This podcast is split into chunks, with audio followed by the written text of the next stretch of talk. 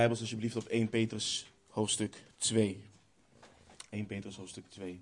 Zondag gaan we vers voor vers door de eerste brief van de apostel Petrus. Vanochtend uh, pakken we het verder in hoofdstuk 2. We lezen um, vers 11, daarna bidden en daarna uh, gaan we het woord uh, ontleden. Petrus schrijft onder leiding van de Heilige Geest vanaf vers 11. Geliefden, ik roep u op als bijwoners en vreemdelingen u te onthouden van de vleeselijke begeerten die strijd voeren tegen de ziel. Tot zover, laten we bidden. Vader, we danken u. We danken u, Heer, voor het feit dat we samen tot u kunnen zingen, Heer. Zoals we, zongen, Heer, alle eer komt u alleen toe, Heer. En zo, Vader, gaan we verder met de dienst, Heer, en met, met onze aanbidding. Door uw woord te openen, uw woord te lezen, uw woord te horen, uw woord te verklaren, Heer. En we bidden voor de genade, Heer, wat daarvoor nodig is. Heer, mogen het zo zijn dat we niet alleen hoorders zijn. Maar dat door uw geest, Heer, uw woord met kracht mag komen en dat wij ook daders van uw woord mogen zijn. We bidden, we vragen. In Jezus' naam. Amen. Um, sinds mijn, ik weet niet hoe bij jullie zit, maar sinds mijn bekering is één, heb ik gezien dat een van de grootste uitdagingen en vragen van broeders en zusters um, is: hoe leef ik het leven als discipel van de Heer Jezus voor een ongelovige wereld? Hoe wandel ik trouw? Hoe ben ik licht en zout in een wereld die Christus vijandig gezind is? Dit is niet alleen een vraag die jonggelovigen hebben. Dit is een vraag die discipelen, ongeacht hoe lang ze met de Heer Jezus wandelen, een vraag die ze hebben. En het is exact vanaf dit punt uh, in de brief dat Petrus dit onder leiding van de Heilige Geest uiteen gaat zetten. Wat Petrus hiervoor tot nu toe gedaan heeft, is de discipel herinneren aan wat de discipel is en wie ze zijn door de grote, barmhartige God. En dat is nodig. En zeker om de verzoekingen waarmee discipelen van de Heer te maken krijgen in dit leven, om die te kunnen weerstaan. Om te kunnen blijven staan wanneer ons geloof beproefd wordt en ook wanneer we bedroefd raken door al die verzoekingen en beproevingen. En wat Petrus dus hiervoor, uh, dat is wat hij tot nu toe uiteen heeft gezet. En wat enorm bemoedigend is, in hoe de Heere God zijn woord heeft overgeleverd, is in, in het feit dat er geen secties of stukken zijn waarvan je zoiets hebt. Oké, ja, dit, na 10, na 20, na 30 plus jaar wandelen met de Heer, heb ik bepaalde herinneringen, bepaalde aansporingen, bepaalde bemoedigingen niet meer nodig. We hebben het allemaal als discipelen van Christus nodig om herinnerd en bemoedigd te worden aan het feit dat we uitverkoren zijn overeenkomstig de voorkennis van God de Vader door de heiliging van de Geest en tot gehoorzaamheid en besprenkeling met het bloed van Jezus Christus. We hebben het allemaal nodig als discipelen van de Heer Jezus Christus om herinnerd te worden en bemoedigd te worden door het feit dat we opnieuw geboren zijn overeenkomstig de grote barmhartigheid van God. En dat dit is door de opstanding van onze Heer Jezus Christus uit de doden. We hebben het nodig om herinnerd en bemoedigd te worden door het feit dat er een onvergankelijke, onbevlekte en onverwelkbare erfenis in de hemelen bewaard wordt voor ons. Dat het vast en zeker is, maar ook dat wij zelf door de kracht, door de onmetelijke kracht van God bewaard worden. Iedere discipel heeft het nodig om herinnerd en bemoedigd te worden door het feit dat de verzoekingen in ons leven vaak nodig zijn. Dat ze naar Gods wil kunnen zijn. En dat in ons doorstaan daarvan die verzoekingen tot Gods lof, eer en heerlijkheid zijn bij de openbaring van onze Heer Jezus Christus. En we hebben het nodig om herinnerd en bemoedigd te worden door het feit dat we zalig zijn gemaakt, maar dat we dat we moeten hopen en uitkijken naar het einddoel van ons geloof, namelijk de zaligheid van onze zielen. En dat we daardoor actief moeten hopen op de genade die ons gebracht wordt in de openbaring van onze Heer Jezus Christus. Jij en ik hebben deze herinnering nodig. Hoe lang we ook wandelen met de Heer Jezus Christus, hoe diep geword dat we ook zijn in de doctrine van de Schrift. Want hier komt het op aan. Het is vaak pas in de moeilijkheden dat zal blijken of we simpelweg theoretisch deze zaken beamen of dat we ze daadwerkelijk geloven en erin wandelen. Hoe onvolmaakt en hoe zwak we daar ook in wandelen. En al die dingen waar ik net bij stilstond, al die dingen horen een praktische uitwerking te hebben in ons leven. Petrus schreef, we moeten hopen en niet gelijkvormig worden aan oude begeerten. En, en, en we moeten zoals Hij die ons geroepen heeft, heilig is, zelf ook in heel onze levenswandel moeten we heilig zijn. We moeten wandelen in de feesten des Heren, dat is een praktische uitwerking. Ons herinneren dat we niet met vergankelijke dingen, met zilver of goud vrijgekocht zijn van onze zinloze levenswandel, maar met het kostbare bloed van Jezus Christus als van een smetteloos en onbevlekt lam. Een praktische uitwerking is dat we ons moeten herinneren dat we door Jezus Christus in God geloven. En een essentiële praktische uitwerking is dat we elkaar als broeders en zusters vurig lief hebben uit een rein hart.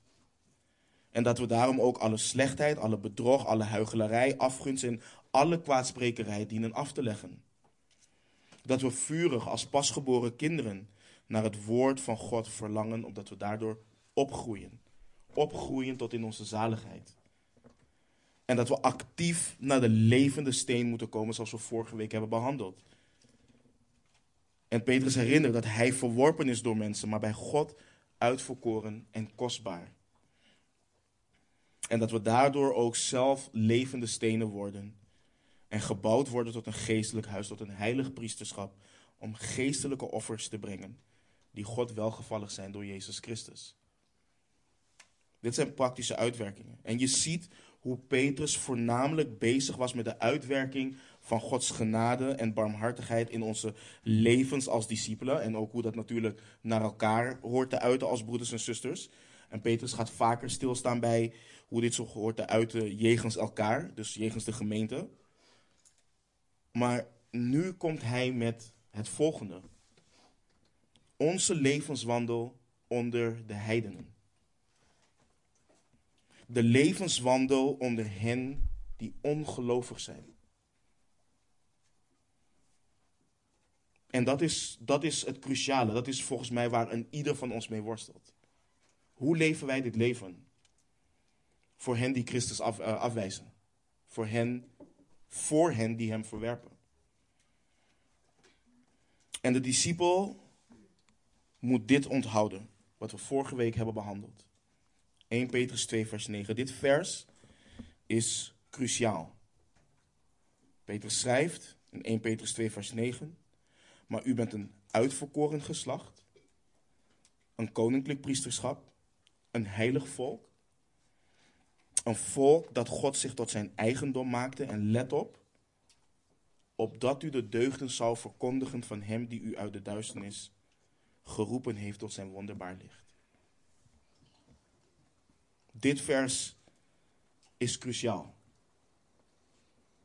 Want dit vers is het vers wat iedere discipel in gedachten moet houden wanneer ze de vraag stellen: Heere, hoe kan ik u behagen met mijn leven? Hoe wilt u dat ik leef? Hoe kan ik u verheerlijken met mijn leven? En 1 Petrus 2,9 is cruciaal om in gedachten te houden. Waarom? Lees het Oude Testament en je ziet dat God heeft bepaald hoe hij wil dat zijn priesters hem dienen. Hij heeft dat bepaald. Lees het Oude Testament en je ziet hoe God heeft bepaald hoe zijn volk heilig diende te zijn. Lees het Oude Testament en je ziet hoe God heeft bepaald hoe zijn volk zijn deugden zou verkondigen. En in het Nieuwe Testament doet God exact hetzelfde. En we weten dat niet alleen 1 Petrus spreekt over ons leven onder de heidenen. Dus wat we vanaf nu in deze brief gaan behandelen is niet uitputtend. maar het is essentieel en onmisbaar. En zeker in de context van deze brief, maar zeker ook in de bredere context van het christelijke leven, is dit hoe God wilt dat discipelen van Jezus Christus wandelen onder heidenen. En ik weet dat veel discipelen het liefst in hun veilige bubbel met andere broeders en zusters willen leven en niets met de wereld te maken willen hebben, maar de schrift kent die gedachte niet.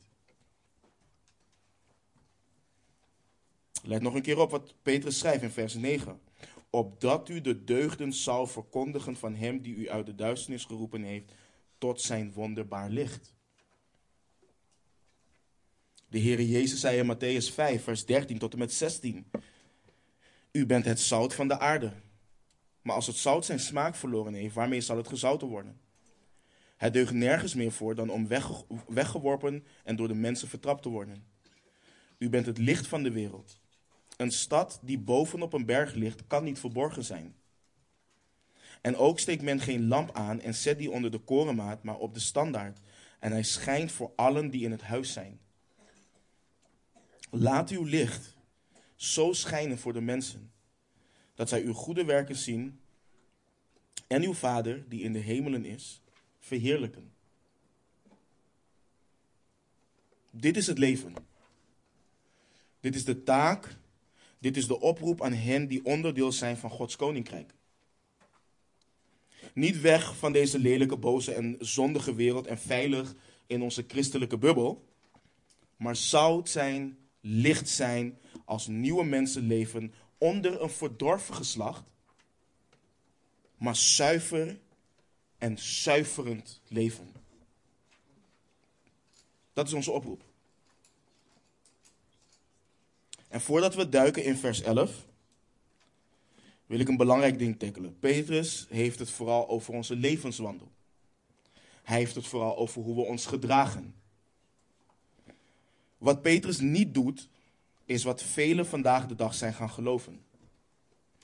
Evangeliseer niet met je woorden, maar met je daden. Dat is niet waar Petrus het over heeft in dit vers. En ook niet in de versen daarop. Dat is ook niet waar de Heer Jezus het over heeft in de zaligsprekingen. Waar dit over gaat, en dit is wat we goed moeten onthouden, waar dit over gaat, is dat we leven als mensen waarvan het evangelie een uitwerking heeft in ons leven. Dat is waar dit over gaat. Dat we leven als hen die beleiden te staan in een evangelie wat de kracht heeft van God tot zaligheid voor een ieder die gelooft. Dat we daadwerkelijk leven als een uitverkoren geslacht. Een koninklijk priesterschap, een heilig volk. Een volk dat God zich tot zijn eigendom maakte. Het idee dat we evangeliseren met onze daden, opdat mensen tot geloof komen, is iets wat de beleidende kerk enorm heeft verlamd. God is heel duidelijk wanneer hij door de apostel Paulus heen kenbaar maakt in Romeinen 10, vers 17. Zo is dan het geloof uit het gehoor en het gehoor door het woord van God.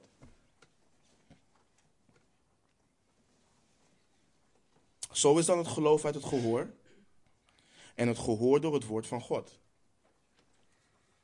De Heer Jezus zegt ook duidelijk in Matthäus 28, vers 19: Ga dan heen, onderwijs al de volken. Hen dopend in de naam van de Vader en van de Zoon en van de Heilige Geest. Hun lerend alles wat ik u geboden heb in acht te nemen. En we zeggen dit, wetend wat er in 1 Petrus 3 vers 1 staat over hoe vrouwen hun mannen zonder woorden winnen. Wanneer we daar komen, gaan we dat ook ontleden in context. Maar dit is wat we willen voorkomen. Dat Petrus ons leert, dit is de manier van evangelisatie. Dat is niet wat hij doet. Later schrijft hij, dat je rekenschap moet kunnen geven voor de hoop die in je is. Dat doe je met woorden. Hij heeft het over de praktische uitwerking van onze zaligmaking. En nu we dat helder voor ogen hebben, laten we kijken naar hetgeen waartoe Petrus aanspoort en hoe wij dat ook toepassen vandaag de dag. Dus nogmaals, aan discipelen die verzocht en beproefd worden aan discipelen die onterecht kwaaddoeners worden genoemd door de ongelovige wereld, schrijft Petrus in vers 11, geliefden, ik roep u op als bijwoners en vreemdelingen u te onthouden van de vleeselijke begeerten die strijd voeren tegen de ziel. En mis alsjeblieft niet hoe Petrus hen noemt. Hij noemt hen geliefden. Het Griekse woord spreekt van iemand die diep geliefd is. Petrus herinnert hen eraan dat ze diep geliefd zijn door God, maar ook diep geliefd zijn door Hem. Al zijn aansporingen, al zijn vermaningen, hoe moeilijk ze ook te volgen zijn in situaties waarin zij zich bevinden, die komen uit diepe liefde van God voor hen, maar ook van Petrus als broeder. Petrus heeft hen innig lief. En het is juist gedreven door deze liefde dat hij hen op deze kostbare waarheden wijst. Want de liefde verheugt zich in de waarheid. Dat is wat 1 Korinthe 13 ons leert. En waarom is het belangrijk om hier kort bij stil te staan? Want wanneer je te maken hebt met een goddeloze overheid, dan is het laatste wat je in je vlees wilt horen, dat je je moet onderwerpen aan de koning als hoogste machthebber. Of aan de stadhouders. Dat is het laatste wat je wil horen.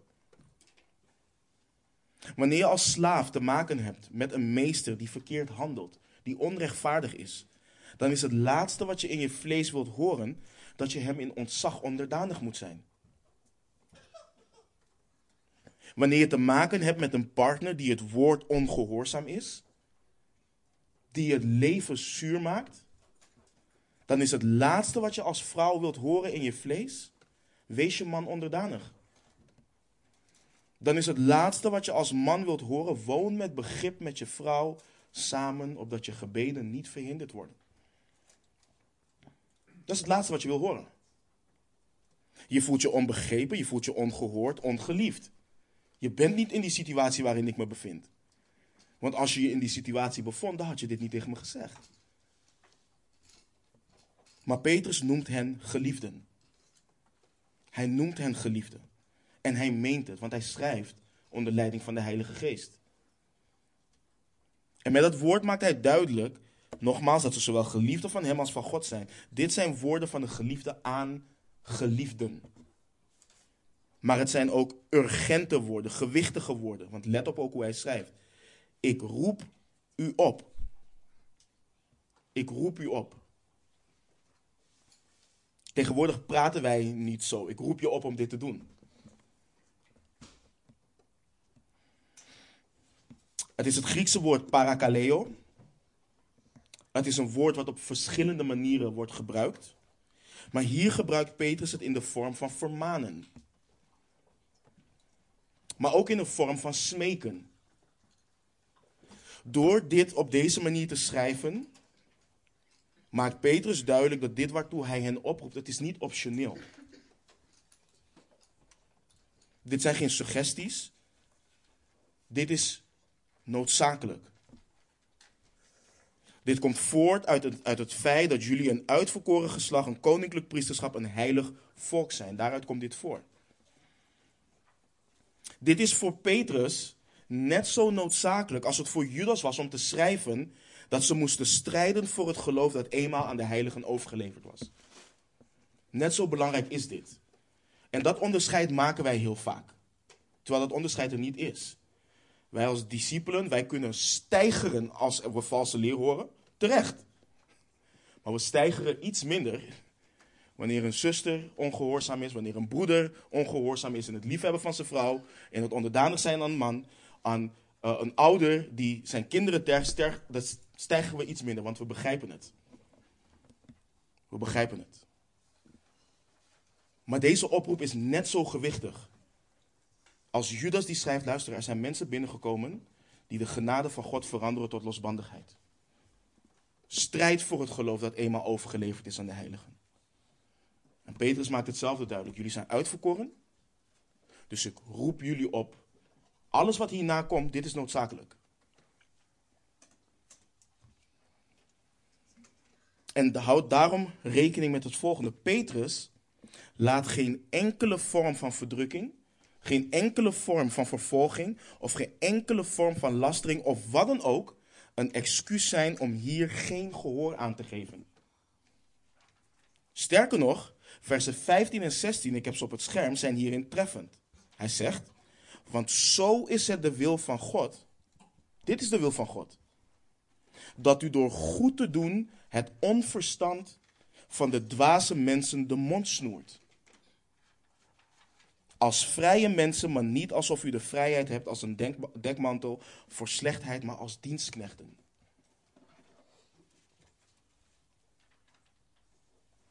Als discipelen is het niet aan ons gegeven om zielig met zelfmedelijden in een hoekje te gaan zitten wanneer we gelasterd worden, wanneer er kwaad over ons wordt gesproken. Nee. Christenen worden opgeroepen om met hun heilige levenswandel de monden van onverstandigen en dwazen te snoeren. En broeders en zusters, let alsjeblieft goed op, want ook het volgende verlamt christenen. Petrus draagt de discipelen niet op om op een wijze te leven dat de wereld het met hen eens zal zijn. Hij draagt hen niet op om op een wijze te leven waarmee de wereld het eens is. Nee, hij draagt hen, draagt hen op om de monden te snoeren met hun heilige levenswandel. Dat is wat hij doet. En dit is belangrijk, want we hebben de neiging, omdat we mensen voor Christus willen winnen, we hebben de neiging om niet aanstootgevend te willen zijn en daardoor water bij de wijn te doen. En daar worden we niet toe opgeroepen. Daar worden zij niet toe opgeroepen. Dat is niet de smeekbede van Petrus aan de heiligen en dus ook niet aan ons vandaag in de 21ste eeuw. Maar wat is er dan wel? Want dat is wat we graag willen weten. Als ik onder mijn ongelovige familieleden, mijn vrienden, mijn collega's, mijn buren en noem maar op ben, hoe kan ik met mijn daden laten zien dat ik geen kwaaddoener ben? En let alsjeblieft op, nogmaals in vers 11 wat Petrus schrijft. Geliefden, ik roep u op als bijwoners en vreemdelingen u te onthouden van de vleeselijke begeerten die strijd voeren tegen de ziel. Wat moet en moet iedere discipel goed onthouden?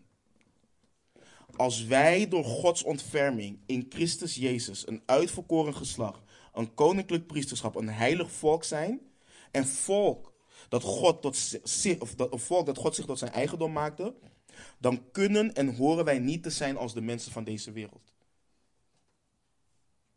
Waarom niet? Want we zijn bijwoners en we zijn vreemdelingen. Dat is onze identiteit. Wat is een bijwoner? Het Griekse woord voor bijwoner spreekt van iemand die dicht bij anderen woont als tijdelijke bewoner. Dat wil zeggen in een specifieke locatie als niet-burger met beperkte rechten. Petrus maakt duidelijk, hier op aarde, christenen wonen als tijdelijke bewoners. Discipelen van Jezus Christus behoren niet tot de locals, als we het even zo mogen zeggen. En daarom hebben ze ook beperkte rechten in deze wereld. Ze hebben niet dezelfde rechten als locals.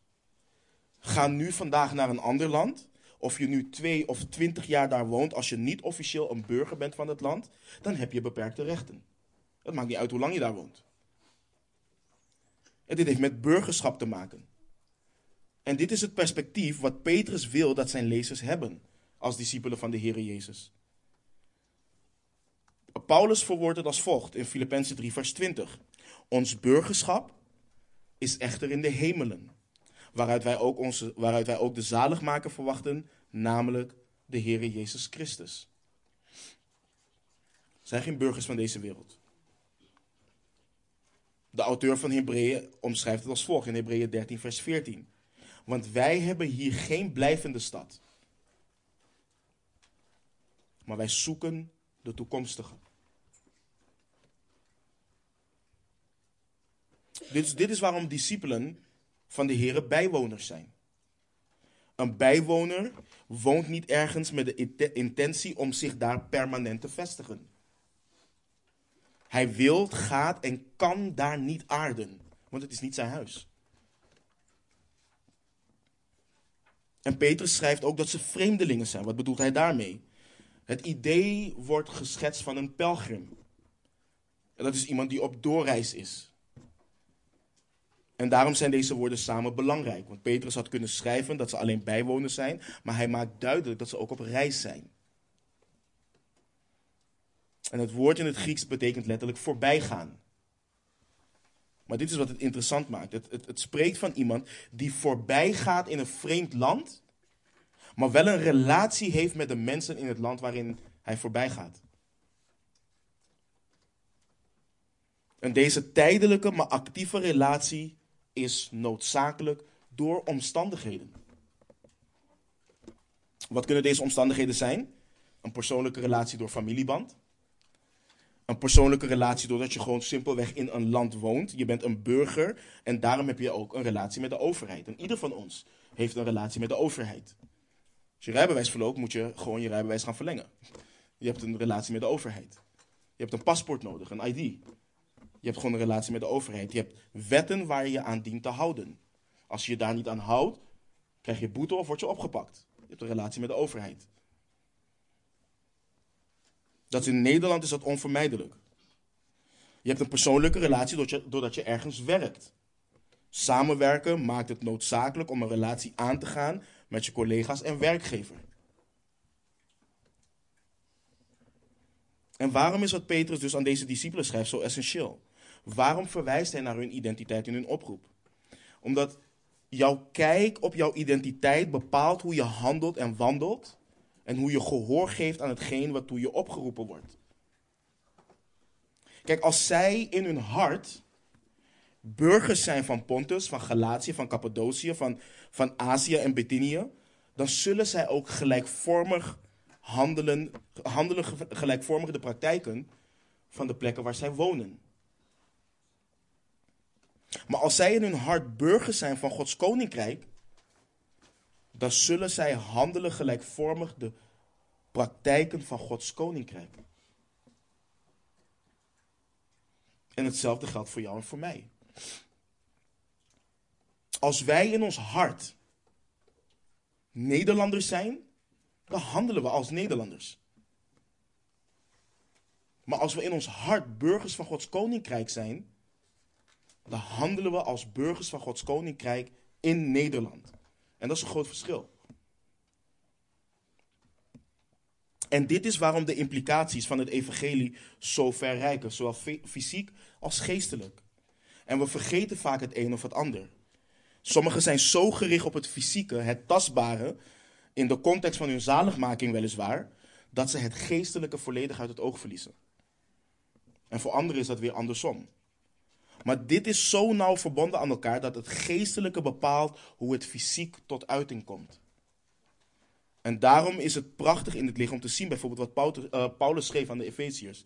In Efeze 2, vers 11 en 12 schrijft Paulus: Bedenk daarom dat u, die voorheen heidenen was in het vlees, en die onbesneden genoemd werd door hen die genoemd worden besnijdenis in het vlees, die met de hand gebeurt, dat u in die tijd zonder Christus was. En let op, vervreemd van het burgerschap van Israël en vreemdelingen wat betreft de verbonden van de belofte. U had geen hoop en was zonder God in de wereld. Wat maakt Paulus duidelijk? Voor de besnijdenis van het hart lag jullie burgerschap in deze wereld.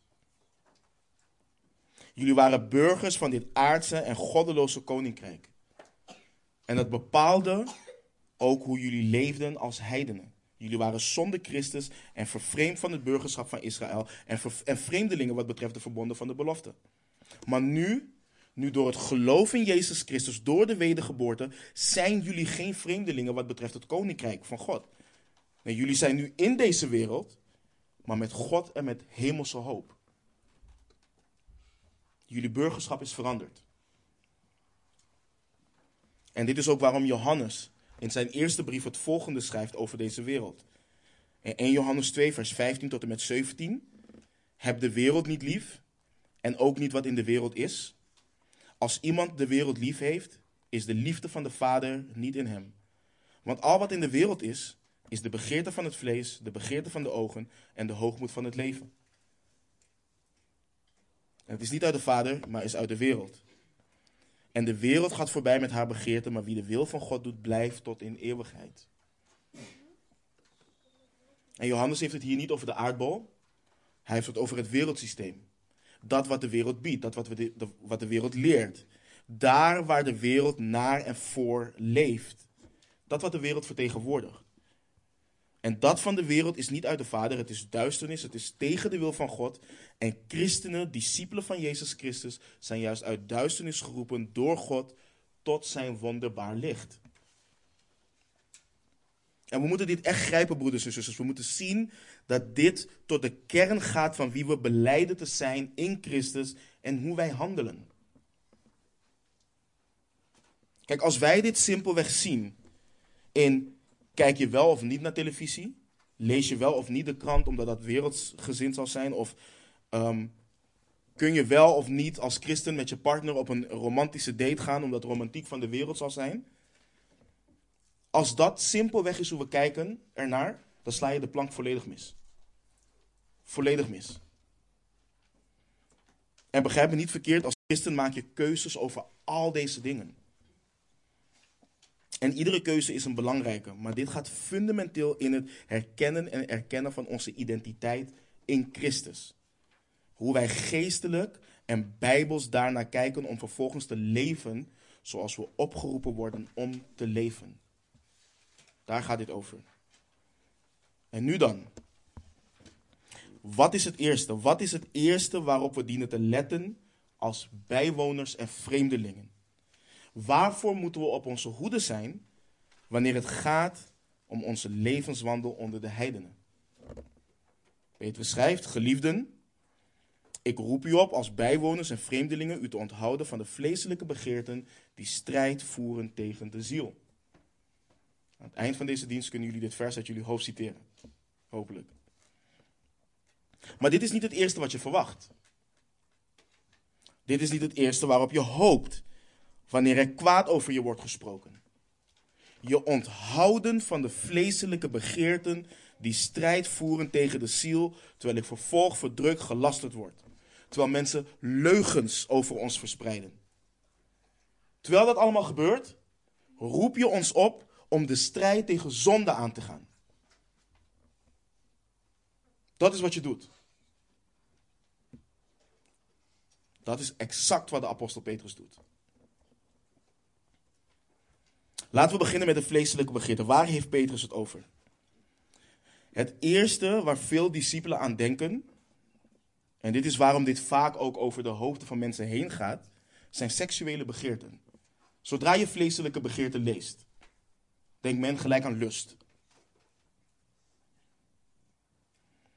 Maar vleeselijke begeerten zijn veel meer dan dat. En mis dit niet in, combinatie, in de combinatie die Petrus gebruikt.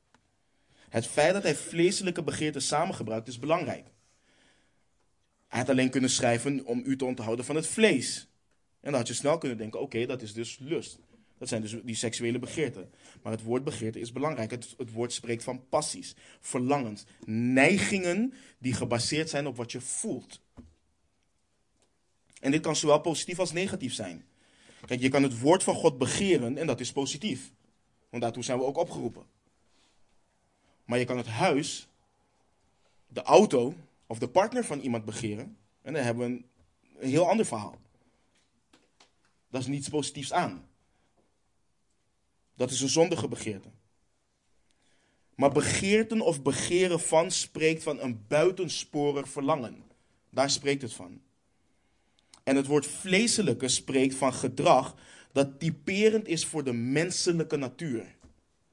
Dat is waar het van spreekt. Het spreekt van iets dat typerend is voor de menselijke natuur. Maar als we dat zeggen, waar moeten we dan rekening mee houden? We moeten rekening houden met het feit dat de mens gevallen is in haar natuur. Daar moeten we rekening mee houden. En als we daar rekening mee houden, is de vraag: wat is dan het buitensporige verlangen van de gevallen mens? Zonde. Zonde. De mens neigt naar kwaad. In haar gevallen natuur. Naar hetgeen wat het gevallen en zondige hart van de mens bevredigt en verzadigt.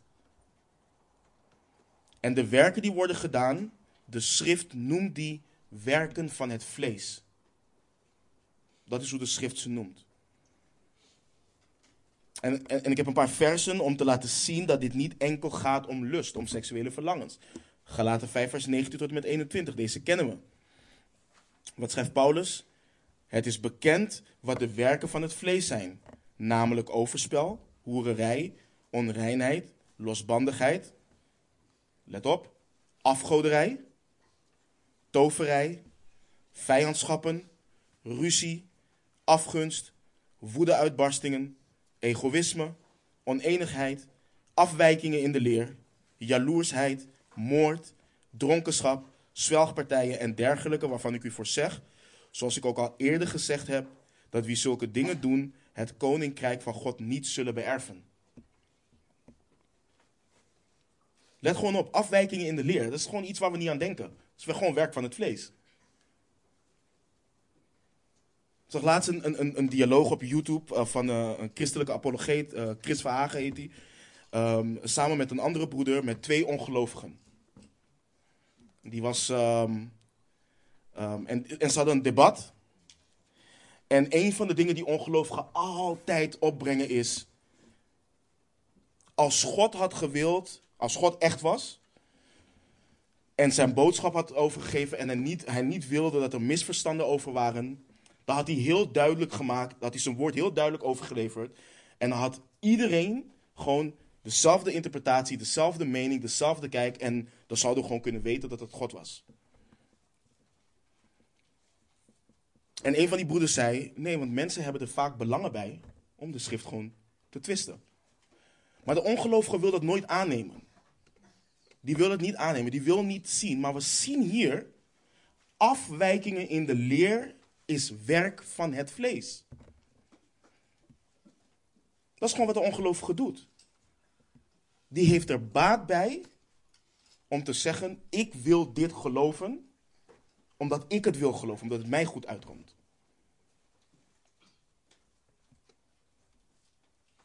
Dus hier zien we dat het niet alleen lust is. Maar kijk bijvoorbeeld ook wat we twee weken geleden hebben behandeld. Of vorige week. Nee, twee weken geleden. Uh, in vers 1 van 1 Petrus 2. Leg dan af slechtheid, alle bedrog, huichelarij, afgunst en alle kwaadsprekerij. Ook werken van het vlees.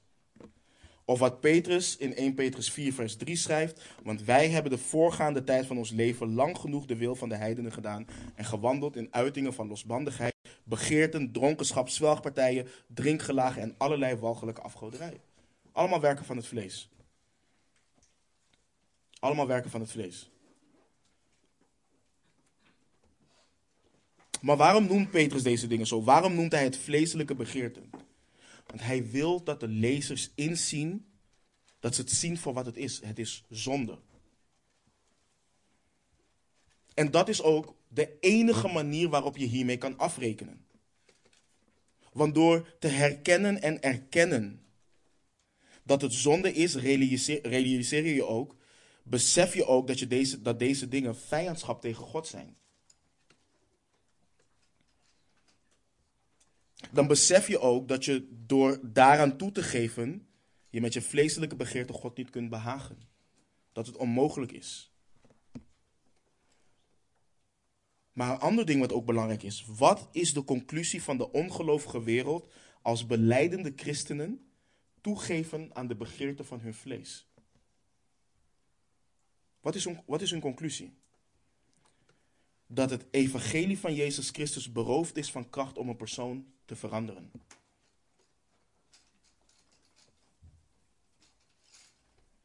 Dat het evangelie van Jezus Christus beroofd is van kracht om een persoon te veranderen hoe hypocriet het ook is, wanneer de ongelovige hoort dat jij een christen bent en jij leeft als de wereld, dat is het eerste wat je maar je bent toch een christen? Zij houden je aan de standaard waarvan jij beleidt, dit is de standaard die ik hou. Dat zij het zelf niet doen, dat maakt u niet uit. Maar jij beleidt iets. En je houdt je er niet aan. Dus dit is het ding. Als zij, de discipelen, toen, maar ook wij, als wij toegeven aan onze vleeselijke begeerten voor de wereld, dan getuigen wij ervan dat het evangelie van Christus beroofd is van kracht om een persoon te veranderen. En dat is, want de schrift getuigt van die kracht. De schrift getuigt niet alleen van het feit dat we door het geloof in Jezus Christus vrede hebben met God. En de schrift getuigt niet alleen van het feit dat we door onze verzoening met God in Christus vergeven zijn van van al onze zonden. Nee, wat schrijft Paulus? Titus 2, vers 11 tot en met 13. Want de zaligmakende genade van God is verschenen aan alle mensen. En wat leert het ons? En leert ons de goddeloosheid en de wereldse begeerte te verloochenen en in deze tegenwoordige wereld bezonnen, rechtvaardig en godvruchtig te leven, terwijl wij verwachten de zalige hoop en verschijning van de heerlijkheid van de grote God in onze zaligmaker, Jezus Christus.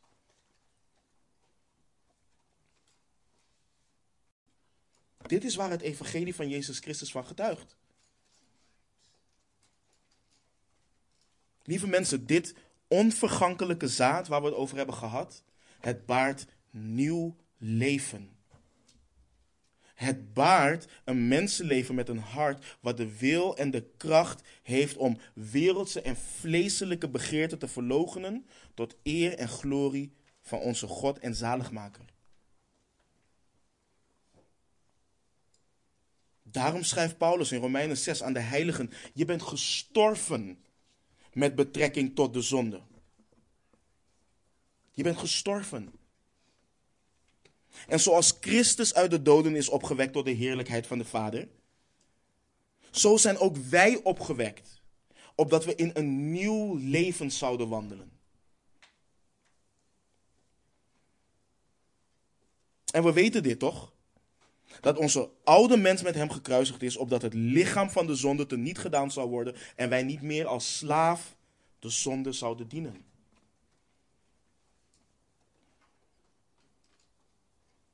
Zij die de zonde dienen, kunnen niet dienen als heilige priesters.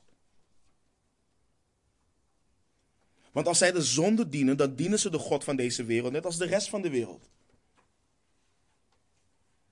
Dus geen gehoor geven aan de oproep van Petrus gaat juist tegen het werk in wat God wil doen, maar ook het werk wat God al heeft gedaan in ons.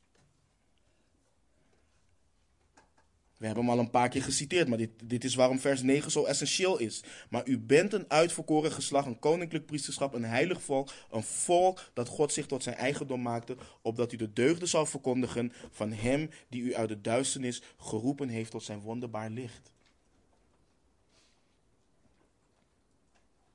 Wat zegt Petrus dus?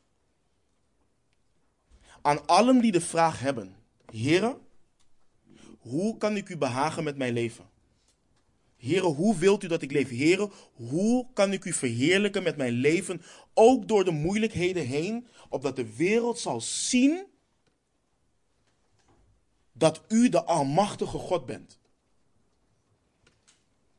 En een deel van het antwoord is: leef als iemand die verlost is van de heerschappij van het vlees. En het liefst wat wij zouden willen horen is: begin ergens een goed doel, een goed initiatief. Dat is wat we willen horen. Dat is, wat wij, dat is hoe wij willen getuigen van het feit dat God goed is. Maar hij zegt nee, strijd tegen de zonde in je vlees. Dat is hoe je daar, daarvan kan getuigen. Leef niet als iemand die nog steeds een slaaf is van zijn vlees en dus gehoor geeft aan alles wat het vlees begeert. Want de werken van het vlees zijn niet de offers die God welgevallig zijn. De offers die God welgevallig zijn, dat zijn de werken die God tevoren heeft bereid in Christus Jezus. Dat zijn de werken die God welgevallig zijn. Dat zijn de offers die hem behagen. En daarom, broeders en zusters, wij moeten echt herkennen. En volgende week, volgende week gaan we hier heel diep bij stilstaan. Vandaag is het nog sumier. volgende week gaan we kijken naar de zonde die wij zijn gaan accepteren. Die we zijn gaan minimaliseren. Maar voor vandaag is het belangrijk om dit te zien. Wij moeten herkennen en erkennen, dit zijn vleeselijke begeerten. We hebben niet te maken met nare trekjes uit ons karakter. Dat is niet wat dit is. Laat me een aantal voorbeelden geven waarin wij onszelf zijn gaan misleiden. Wij zeggen, als mensen, ik heb er moeite mee wanneer ik geconfronteerd word met onverwachte nieuwe dingen. Kan ik slecht tegen. Eigenlijk ben ik gewoon een beetje een controlfreak. En we lachen het weg. Maar wat zeg je daar eigenlijk mee? Je hebt er moeite mee, je kunt er niet tegen als zaken niet gaan zoals jij dat wilt. Buiten jouw doen en buiten jouw macht om. En wanneer zaken niet gaan zoals je het wil, dan kun je of angstig of boos of ontevreden worden. En dat uit zich in zondige manieren naar jouw omgeving toe.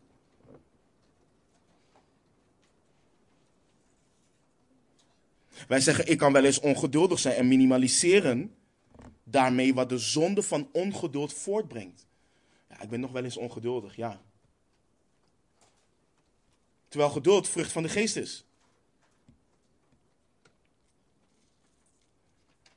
Ongeduld brengt boosheid voort, een gebrek aan zelfbeheersing, een gebrek aan onbarmhartigheid, ontrouw, opstandigheid en ongehoorzaamheid. Maar om een paar dingen te noemen. Een paar dingen. En broeders, kijk hoe dit zich kan uiten onder de heidenen. Op ons werk, thuis, jegens de overheid, jegens onze ongelovige familieleden. Maar dit is de vraag die we stellen. Hoe kan ik u verheerlijken?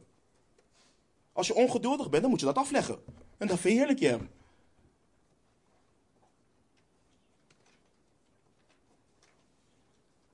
Maar nu in de context van de brief. In de context van broeders en zusters die met moeilijkheden te maken krijgen. Wat zijn vleeselijke begeerten waarmee je te maken krijgt wanneer er onterecht kwaad over je wordt gesproken? Wanneer je vervolgd wordt en wanneer je verdrukt wordt, omdat je christen bent? Wat komt er, wat komt er mogelijk naar boven? Nou, afhankelijk van wat er regeerde in jouw hart, kun je toegeven aan boosheid wat voortkomt. Je kunt je schuldig gaan maken aan woedeuitbarstingen. Je kunt ook hen gaan lasteren die jou belasteren. Je kunt uit angst Christus gaan verlogenen. En dit zijn slechts enkele voorbeelden. Maar besef hoe ver dit gaat. En dit is wat ik hoop dat we gaan inzien. Dat we voorbij oppervlakkige zaken gaan kijken waarmee we zeggen: hé, hey, hiermee verlogen in Christen, Christus. We moeten tot de kern komen. We moeten zien wat Petrus zegt. Let weer op, geliefden, ik roep u op als bijwoners en vreemdelingen u te onthouden van de vleeselijke begeerten die strijd voeren tegen de ziel. Die vleeselijke begeerten, ze voeren strijd tegen de ziel. Broeders en zussen, dit is onze geestelijke strijd. Dit is onze geestelijke strijd. In plaats van inzien dat we zonde niet kunnen wegstoppen en wegredeneren als vervelende karaktertrekken, maar dat dit diep in de oude mens zit. En hoewel die oude mens gestorven is, neemt het iedere kans. Het benut iedere kans die het krijgt om zichzelf op te wekken en te regeren over de nieuwe mens. Dat is wat het doet. Dat is wat we moeten inzien. Dit is een strijd. En in deze strijd kun je niet zeggen: Dit is nou hoe ik eenmaal ben. Ik ben, al maar, ik ben al eenmaal ongeduldig. Ik ben al eenmaal een controlfreak. Ik ben al eenmaal dominant. Ik word nou eenmaal boos. Nee. De strijd zit hem hierin. Weten dat dit diep in je zit, maar ik moet het blijven kruisigen. Ik moet dit blijven kruisigen. Want het behaagt God niet en het schaadt het evangelie. Het schaadt het getuigenis van het evangelie. Zo serieus is dit. Zo serieus is dit. En wat ik vandaag niet ga doen, ik zeg het er alvast bij, wat ik vandaag niet ga doen, is al de nuances en al die dingen bijbrengen waarvan we weten, God is geduldig, Hij is getrouw en gerechtvaardigd om onze zonden te, uh, te vergeven wanneer we ze beleiden. We zijn niet volmaakt. Al die dingen moeten we loslaten. We moeten dit zien voor wat het is. Strijden tegen de zonde tot bloedens aan toe, zoals de auteur van Hebreeën schrijft. Het kan niet waar zijn dat we ons zo hard verzetten tegen de overheid, die de kerken wilde sluiten, maar niet bidden en vasten voor de boosheid die regeert in ons hart. Jullie zijn fout, zeggen we. Jullie zijn goddeloos. Maar we hebben ons vrouw niet lief. We tergen onze kinderen. We onderschikken ons niet aan onze man. We zijn geen goede werknemers. We bijten en verslinden elkaar als broeders en zusters. Maar zij zijn goddeloos. Maar zij beleiden niet dat zij vrijgemaakt zijn van de zonde. Wij beleiden dat. Wij beleiden dat. En ik geef ze geen gelijk. Maar dit is waarom ze zeggen: jullie christenen zijn hypocrieten. Dit is waarom ze dat zeggen.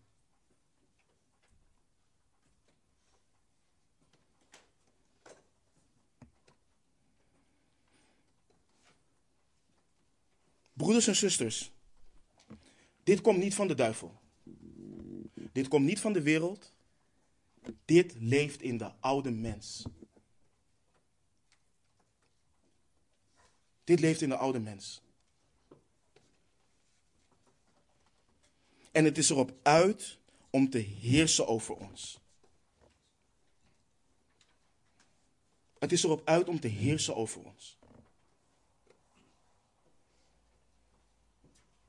Ik zeg jullie, en dit is geen veroordeling, ik begrijp het niet. Wanneer wij beticht worden van jullie hebben het alleen over zonde en al dat soort dingen. Mijn hart huilt. Dat ik aan de ene kant kan beleiden dat ik vrijgemaakt ben van de zonde. Maar aan de andere kant de Bijbel lees en precies die dingen doe waarvan ik word opgedragen. Leg die dingen af. Dit is hoe serieus dit is. Zo serieus is dit. Dit is hetzelfde wat de Heere God tegen Kain zegt in Genesis 4. Ik heb het niet op het scherm, de verwijzing, maar als je alsjeblieft in je Bijbel daar naartoe wil gaan. Genesis 4, vanaf vers 3 tot en met 8.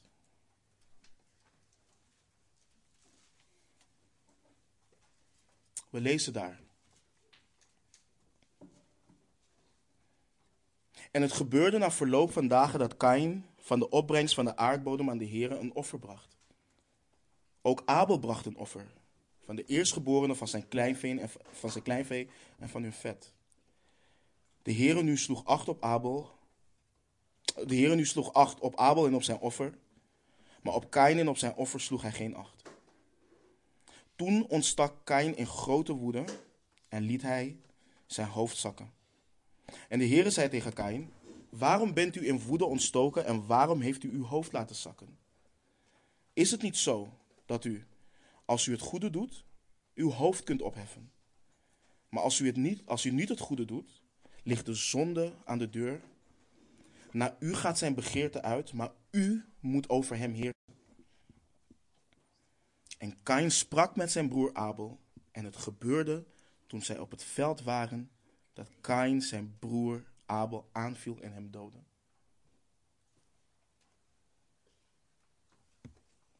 Let op wat er gebeurde. Kain ontstak in woede. Hij ontstak in woede. Kain komt niet in nederigheid om te vragen waarom God zijn offer niet heeft aanvaard. In plaats daarvan ontsteekt hij in woede en dat uit zich vervolgens richting zijn broer, die wel, waar wel acht op is geslagen. Maar voordat dit gebeurt, voordat die woede zich uit richting zijn broer, waarschuwt God hem. God waarschuwt hem. Want ook al leeft die boosheid, hij kan er nog wat tegen doen. Hij moet het kwade overwinnen door het goede te doen. Maar God legt duidelijk uit, dit waarin hij zich nu bevindt, dat is niet niets. Zonde ligt op de loer, zegt God tegen hem. Het ligt op de loer. Het ligt aan de deur en de begeerte van zonde gaat uit naar Kain en het wilt over hem heersen. Het wilt macht over hem. Maar Kain moet over de zonde heersen. En je onderhandelt niet met zonde. Er is maar één ding wat je doet met zonde en dat is het kruisigen, het doden. Je kunt niet praten met zonde. Je kunt niet tegen zonde zeggen: hé, hey, tot hier. Geef me maar een beetje. Kain moet erover heersen, hij moet het goede doen, hij moet zich vernederen en bekeren. Maar hij doet het niet. Hij doet het niet. Dus de zonde groeit en groeit in zijn hart en uiteindelijk resulteert het in het feit dat hij zijn eigen broer doodt. Hij doodt zijn eigen broer. De reden waarom dit vaak over ons hoofd gaat en waarom wij onszelf niet snel in Kain zien, is omdat het voor ons ondenkbaar is om nu vandaag iemand fysiek te doden. Het gaat gewoon over ons hoofd heen.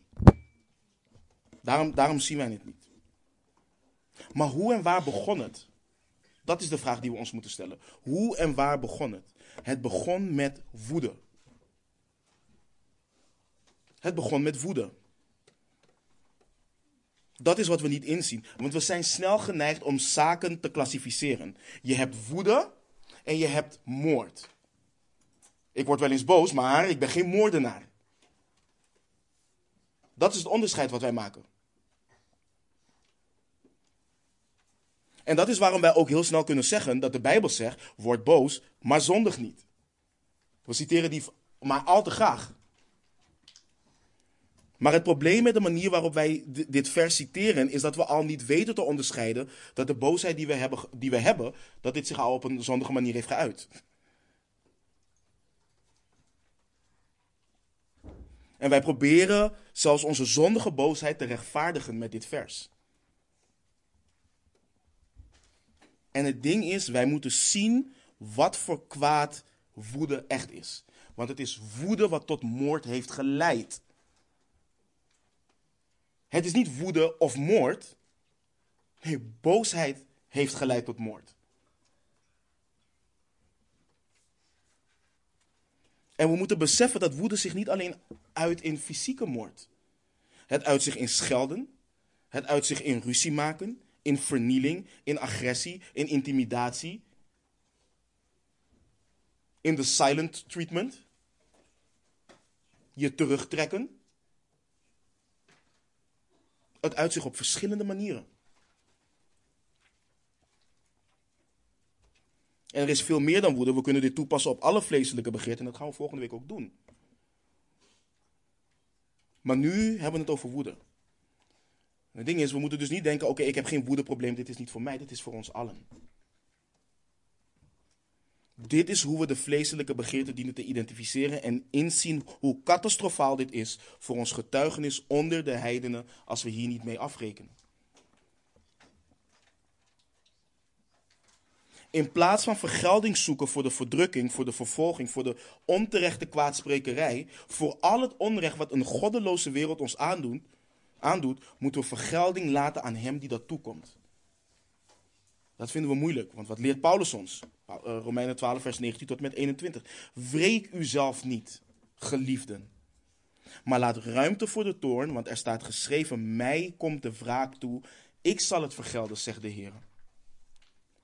Als dan uw vijand honger heeft, geef hem te eten. Als hij dorst heeft, geef hem te drinken. Want door dat te doen, zult u vurige kolen op zijn hoofd hopen. Word niet overwonnen door het kwade, maar overwin het kwade door het goede. En hoe moeilijk vinden we dit? Hoe moeilijk vinden we dit? En begrijp dit niet verkeerd. Hè? Dit leert niet dat we zondaars niet kunnen confronteren met hun zonde. Dat we hen niet kunnen wijzen op hun zonde. De schrift leert duist, uh, heel duidelijk dat we duisternis ook dienen te ontmaskeren. Maar er is een verschil in mensen wijzen op hun zonde en jezelf wreken. Dat zijn twee totaal verschillende dingen. Er is een verschil in ongelovige wijzen op hun zonde en toornig worden vanwege de zonde van de ongelovigen. Dat zijn twee totaal verschillende dingen. En ik word hier zelf zo mee geconfronteerd de afgelopen tijd. Dit is het ding. Kijk, wij worden opgeroepen ons te bekleden met liefde. Uit ons hoort te vloeien wat er staat in Galaten 5, 22. Wat de vrucht is van de geest. Liefde, blijdschap, vrede, geduld, vriendelijkheid, goedheid, geloof, zachtmoedigheid, zelfbeheersing.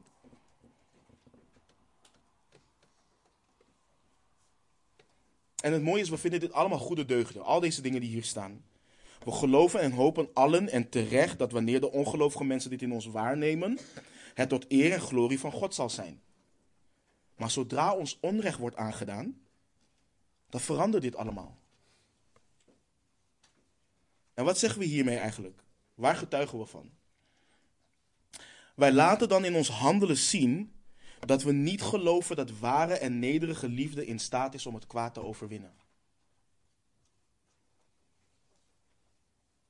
In plaats daarvan vergelden we kwaad met kwaad wanneer ons onrecht wordt aangedaan en overtuigen we onszelf dat we onder leiding van Gods geest de zonde en het onrecht wat ons is aangedaan hebben bestreden. En dat allemaal zonder in te zien dat we gewoonweg hebben toegegeven aan onze vleeselijke begeerten.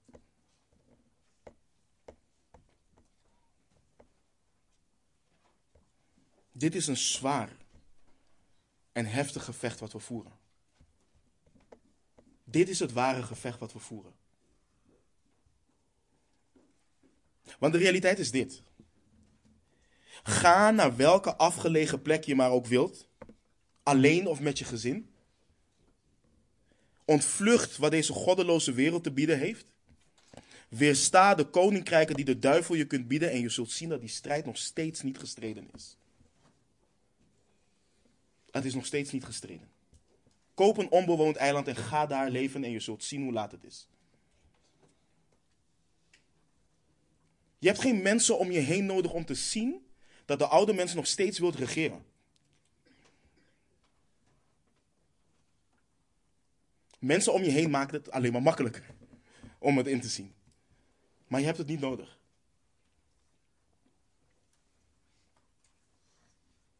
Die begeerte leven in de oude mens, die je iedere dag, totdat Christus terugkomt of totdat je sterft, met je meesleept.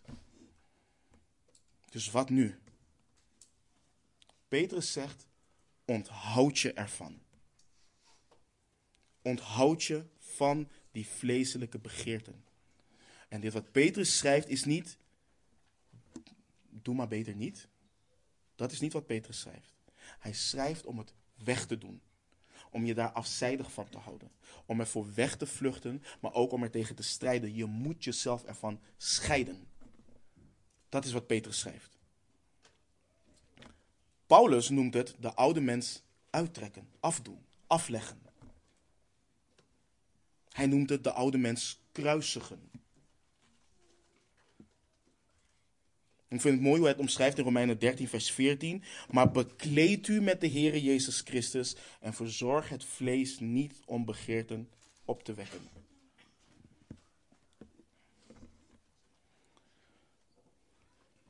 Dit is de conclusies, broeders en zusters. Paulus schrijft het aan de Galaten in Galaten 5, vers 25. Als wij door de geest leven, laten wij dan ook door de geest wandelen. Laten wij dan ook door de geest wandelen. Dit is wat de heidenen horen te zien. Dit is wat de ongelovigen horen te zien. Dat wij geestvervulde mensen zijn. Ze begrijpen er niks van. wat geest vervuld betekent. Maar ze horen het te zien. Mensen die niet alleen het vlees met zijn hartstochten en begeerten gekruisigd hebben, maar mensen die dat continu blijven doen. Die niet alleen verlangen en zich beijveren om niet als de wereld te zijn, maar die zich juist ook actief beijveren en najagen om als Christus te zijn. Want dit is het ding. Boeddhisten willen ook niet als de wereld zijn. Moslims willen ook niet als de wereld zijn. Hindoeïsten willen ook niet als de wereld zijn. Maar geen van hen beijvert zich om als Christus te zijn. Dus het is niet genoeg om te zeggen: we willen niet als de wereld zijn. We moeten actief najagen om als Christus te zijn.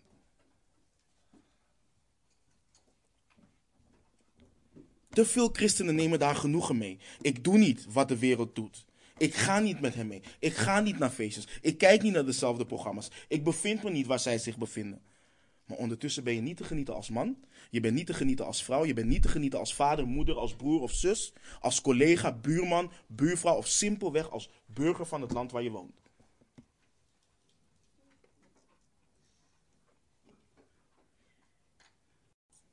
Ondertussen ben je opstandig, ben je hoogmoedig, ben je een bedweter, word je snel boos, ben je ongeduldig en ga zo maar door. En als dat het geval is, dan stellen we tevergeefs de vraag: Heere, hoe kan ik u behagen met mijn leven? Heere, hoe wilt u dat ik leef? Heere, hoe kan ik u verheerlijken met mijn leven, ook door de moeilijkheden voor de ongelovige wereld? Het antwoord daarop is: kruisig je vlees en strijd tegen je begeerte en zonde. En weet je wat het mooie hiervan is? God heeft ons de genade gegeven om dat te doen en Hem op zo'n manier te verheerlijken onder de heidenen.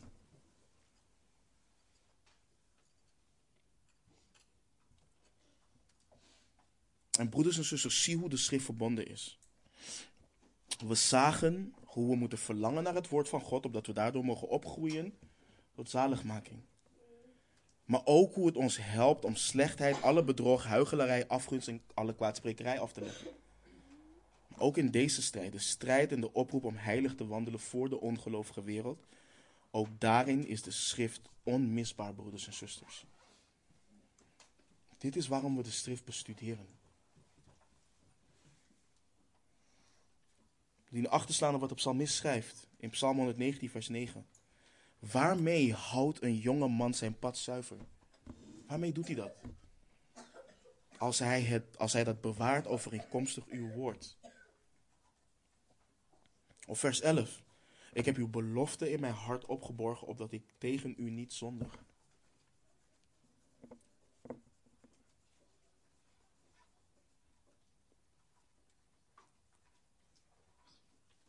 Als wij de schrift bestuderen en kennen en als wij deze woorden opslaan, dan zijn we bewapend om biddend de waarheid die we bestuderen en kennen toe te passen. En het is letterlijk een, een kwestie van wie gehoorzaam je. Als ik boos word, dan sta ik voor een keuze. Gaat die boosheid heersen over mij of omgord ik de lendenen van mijn verstand en pas ik de kennis van de schrift die ik heb toe? En al te vaak laat ik het eerste gebeuren.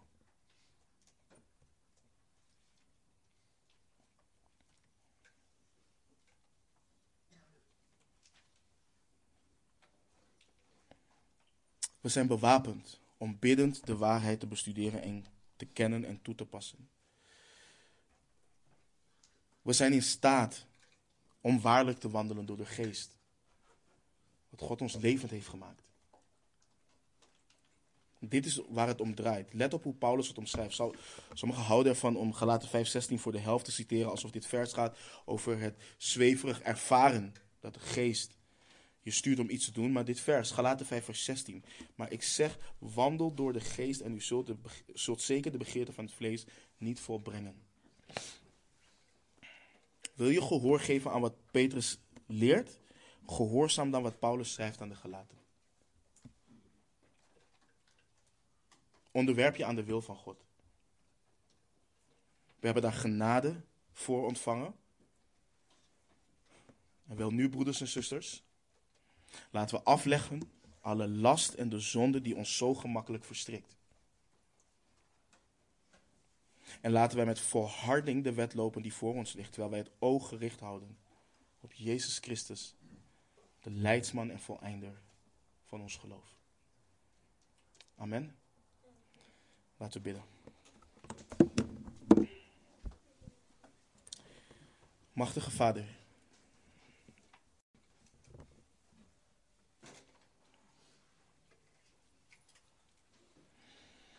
We leren uw woord, Heer, dat uw woord net een hamer is soms, Heer.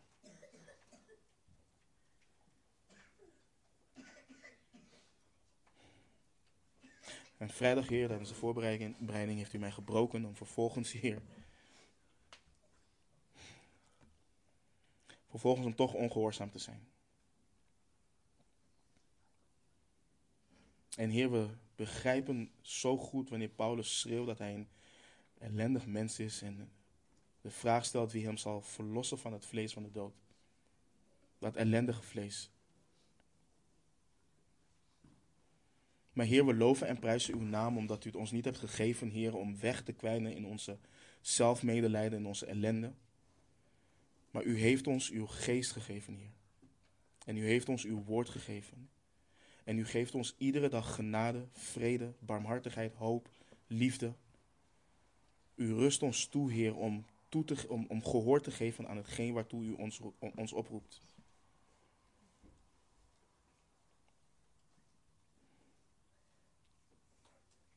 Mogen het zo zijn, Heer, dat onze harten voor u gebroken zijn. Maar dat u ons opbouwt tot eer en glorie van uw naam. Dat wij de goede werken doen, Heer, die u tevoren voor ons bereid heeft, in Christus Jezus. Dat wij ons licht zo laten schijnen. Heer, dat de mensen onze werken zien, onze goede werken zien, Heer. En u, Vader, u die in de hemelen bent, Heer, verheerlijken.